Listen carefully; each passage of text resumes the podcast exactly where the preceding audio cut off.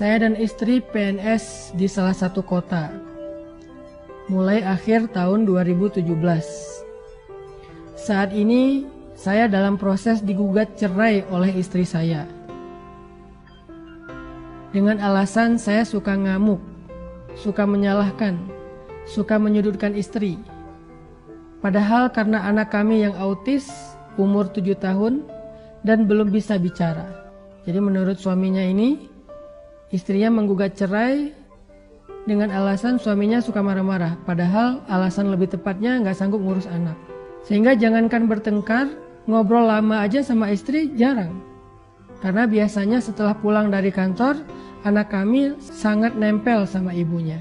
Hal ini karena dari anak lahir sampai umur lima tahun saya masih bekerja di luar kota.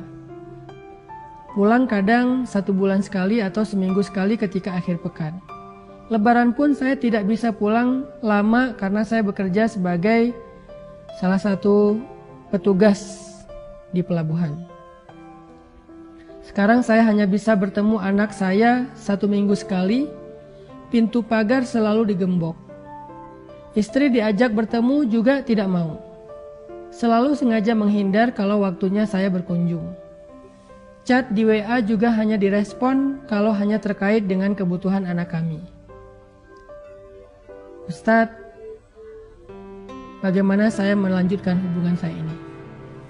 Teman-teman yang dirahmati Allah Subhanahu wa taala,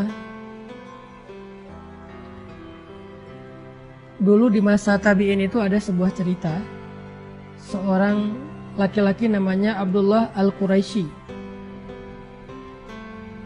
Abdullah Al-Quraisy ini adalah seorang suami, seorang laki-laki yang punya istri sangat pemarah. Dia punya pasangan sangat pemarah.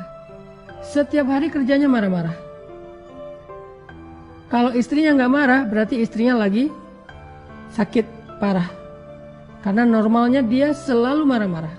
Istrinya itu di, suaminya itu dimarahin, dijelek-jelekin, dihina, dicela di depan orang banyak, bahkan sesekali disakiti secara fisik dengan dipukul atau dilempari dengan barang-barang tertentu. Pokoknya Abdullah Al-Quraisy ini punya seorang istri yang durhaka. Yang akhlaknya tuh jelek banget. Bertahun-tahun Abdullah Al-Quraisy ini sabar. Dia nggak pernah ngeluh, dia nggak pernah membalas, apalagi sampai menceraikan istrinya. Dia nggak tega, dia nggak tega banget. Dia kasihan sama istrinya. Walaupun dia sedih, dia kecewa, dia sakit hati, tapi dia nggak tega. Dia kasihan. Dia hanya ngebayangin kalau diceraikan istrinya ini gimana nanti siapa yang menafkahi. Dan adakah laki-laki yang mau memiliki istri kayak gini, makanya dia nggak tega untuk menceraikan. Bertahun-tahun dia sabar. Sampai satu hari dia udah nggak tahan lagi, karena mungkin ini puncaknya, mungkin ini istrinya kali ini marahnya luar biasa, sampai akhirnya Abdullah Al-Quraisy udah nggak tahan dengan istrinya, dia pun pergi dari rumah. Dia pergi dari rumah untuk menenangkan diri dan menguatkan hati untuk memutuskan apakah bertahan atau menceraikan istrinya. Untuk sampai kepada keputusan itu dia perlu menyendiri. Dia perlu memikirkan matang-matang. Dia perlu berdoa kepada Allah. Akhirnya dia pergi dari rumah. Dia masuk ke sebuah masjid kecil yang ada di pinggir kota. Dia berniat untuk itikaf di masjid itu. Ketika dia masuk ke dalam masjid tersebut, dia melihat ada dua orang laki-laki di dalam masjid itu juga sedang beritikaf, tapi mereka musafir. Jadi pada masa dulu masjid itu terbuka 24 jam. dan banyak sekali musafir yang singgah dan istirahat di masjid. Jadi masjid bisa jadi seperti semacam guest house. Dia masuk ke masjid itu, dia mendapati ada dua laki-laki sedang itikaf juga di sana sedang berzikir, sholat, ibadah, maka Abdullah Al-Quraisy ikut ibadah di situ. Pada hari Senin, waktu itu mereka berpuasa. Pas sore hari menjelang waktu berbuka, dua orang laki-laki tadi berbicara. Salah satunya bertanya, kita makan apa ya nanti berbuka? kata temannya, saya nggak bawa makanan, persediaan makanan saya sudah habis. Kalau gitu kita berdoa aja kepada Allah agar Allah mendatangkan untuk kita makanan. Karena mereka musafir, nggak kenal siapa-siapa, akhirnya mereka berdoa kepada Allah. Setelah berdoa, tiba-tiba datanglah makanan pemberian dari tetangga masjid. Satu porsi makanan yang kemudian mereka bagi bertiga, mereka makan. Mereka kenalan, mereka bagi makanan itu, mereka makan. Lalu hari kedua berlalu, mereka juga seperti itu. Kemudian pas sore hari mereka lapar, malam hari mereka lapar, mereka berdoa, "Ya Allah, kami lapar belum makan seharian." Akhirnya datang lagi tetangga memberi mereka makanan satu porsi untuk dibagi bertiga. Hari ketiga, dua orang laki-laki tadi bilang, ini adalah giliran kamu yang berdoa kepada Abdullah Al-Quraisy. Berdoalah supaya Allah memberikan kita makanan. Di malam hari, ketika mereka udah lapar banget, Abdullah Al-Quraisy berdoa, "Ya Allah, beri saya makanan, beri kami makanan." Sehingga akhirnya setelah Abdullah Al-Quraisy berdoa, tiba-tiba banyak orang datang ke masjid memberi makanan. Satu persatu datang ini makanan untuk kalian, datang orang kedua, orang ketiga, orang keempat, terus datang memberi mereka makanan sampai akhirnya makanannya berlimpah. Dua laki-laki yang pertama tadi kaget, loh banyak sekali makanan. Siapa orang yang soleh ini ketika dia berdoa sampai Allah memberikan rezeki yang sangat berlimpah? Akhirnya karena makanannya kebanyakan mereka bagi-bagi lagi ke tetangga. Di malam hari ketika mereka Oh, keesokan hari ketika mereka udah selesai sholat subuh, mereka bertanya kepada Abdullah Al-Quraisy, "Ya fulan,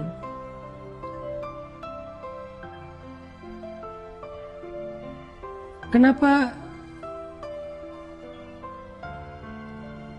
ketika engkau berdoa kepada Allah, Allah mendatangkan kita rezeki yang sangat berlimpah?"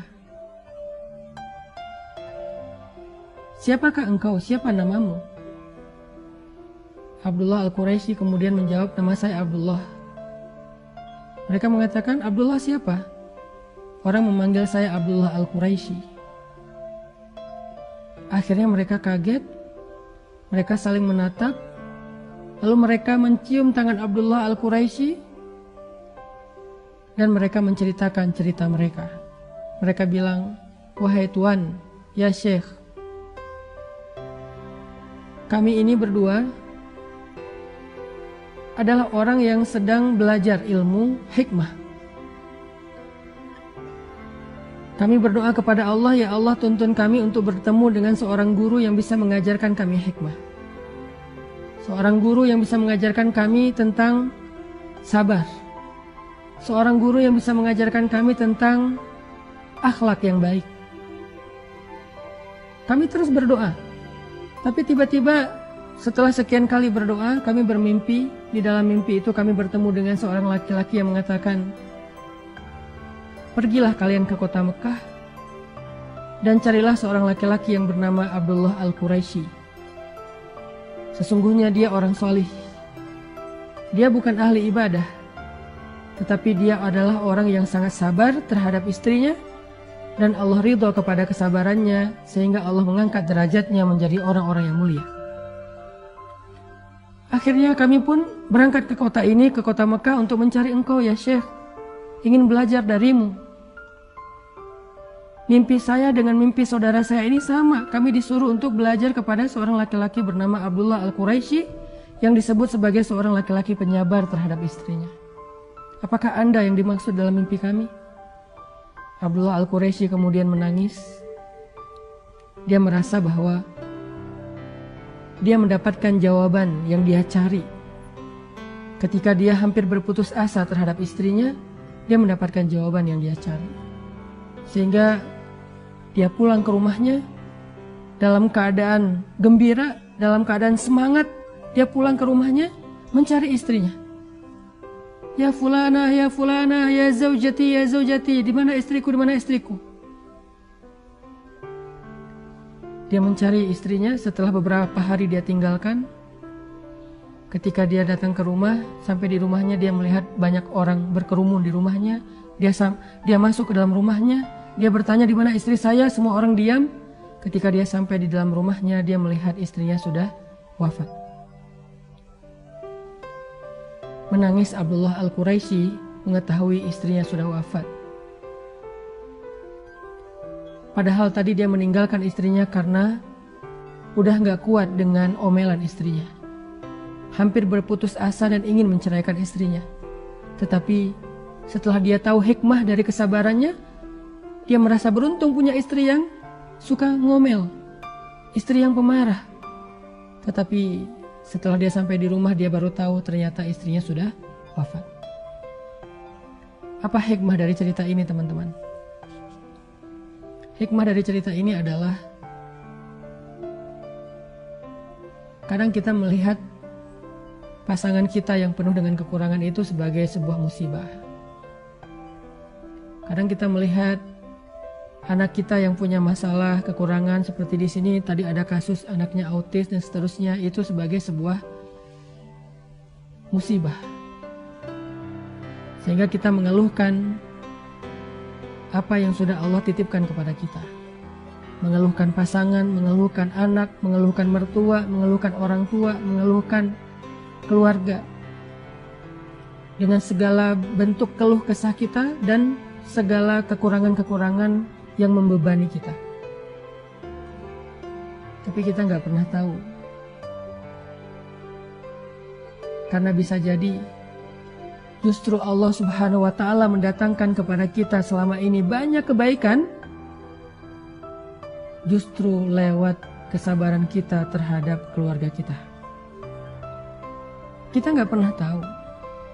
Bisa jadi selama ini karir kita itu bagus karena Allah melihat kesabaran kita di rumah. Kita nggak pernah tahu. Bisa jadi bisnis kita selama ini berkembang dan memberikan hasil yang luar biasa itu karena Allah ingin memberikan kita balasan atas kesabaran kita selama kita di rumah tangga. Kita nggak pernah tahu. Bisa jadi kita sukses. Itu sebagai balasan dari Allah karena kesabaran kita di rumah. Kita nggak pernah tahu.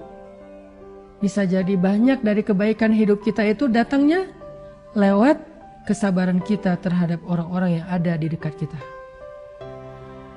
Sehingga ketika kita lari dari dari masalah itu, Ketika kita lari berputus asa dari ujian itu, mencoba untuk mencari sesuatu yang lebih nyaman, bisa jadi Allah juga akan mencabut keberkahan dan kebaikan yang selama ini Allah berikan kepada kita.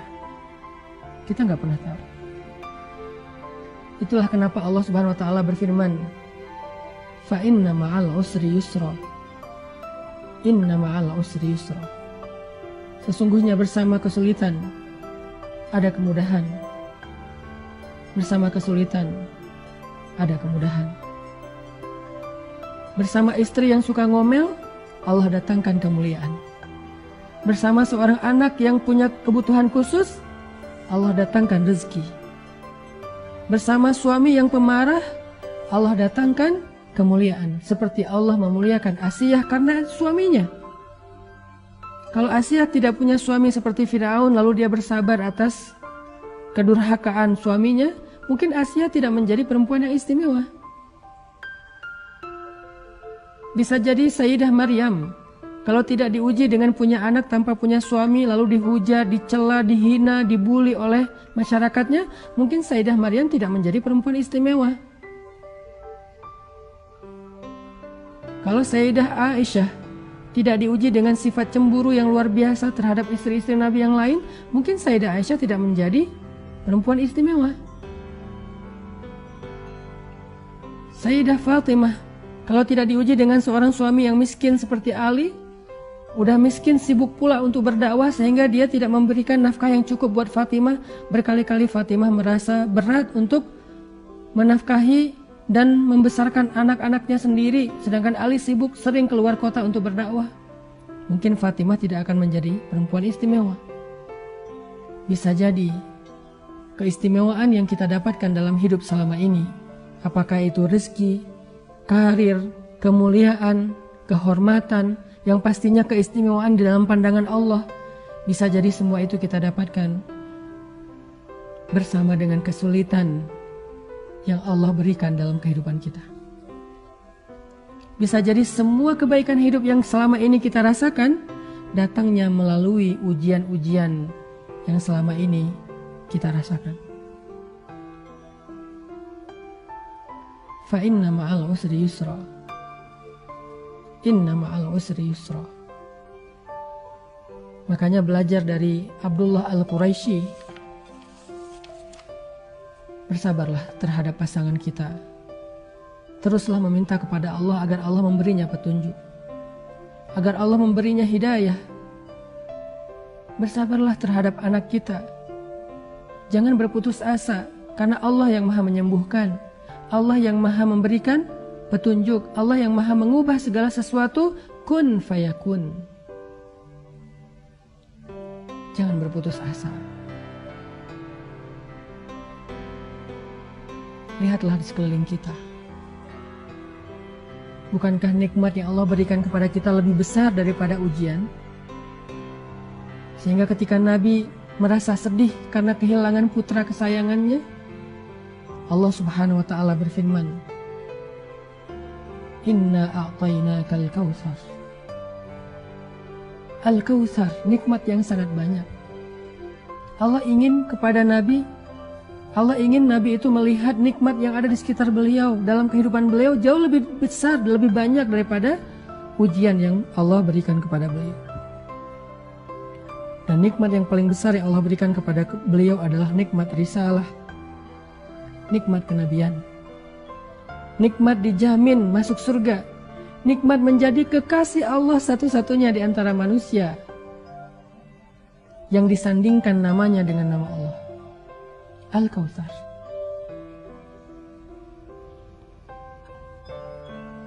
Maka cobalah kita lihat di sekeliling kita dalam kehidupan kita. Bukankah selama ini kita mendapatkan banyak kebaikan dari Allah? Lalu coba tanya, tanya ke hati kita. Kebaikan yang kita dapatkan itu karena alasan apa Allah berikan kepada kita? ibadah kita sedikit. Kenapa Allah berikan kita kebaikan? Dosa-dosa kita banyak. Dosa-dosa kita di masa lalu berlimpah. Kenapa Allah masih kasih kita kebaikan? Apa alasan Allah ngasih kita kebaikan selama ini dalam hidup? Coba kita tanya. Bisa jadi jawabannya, alasan Allah memberikan kita kebaikan selama ini dalam hidup adalah karena kita masih bersabar menghadapi ujian-ujian kehidupan.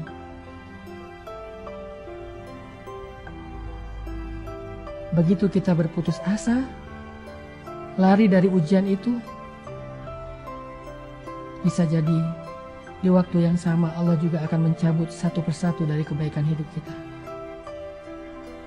Jangan lari dari ujian Allah tapi berusahalah untuk mencari jalan keluar, tapi jangan lari. Jangan menghindar, jangan berputus asa.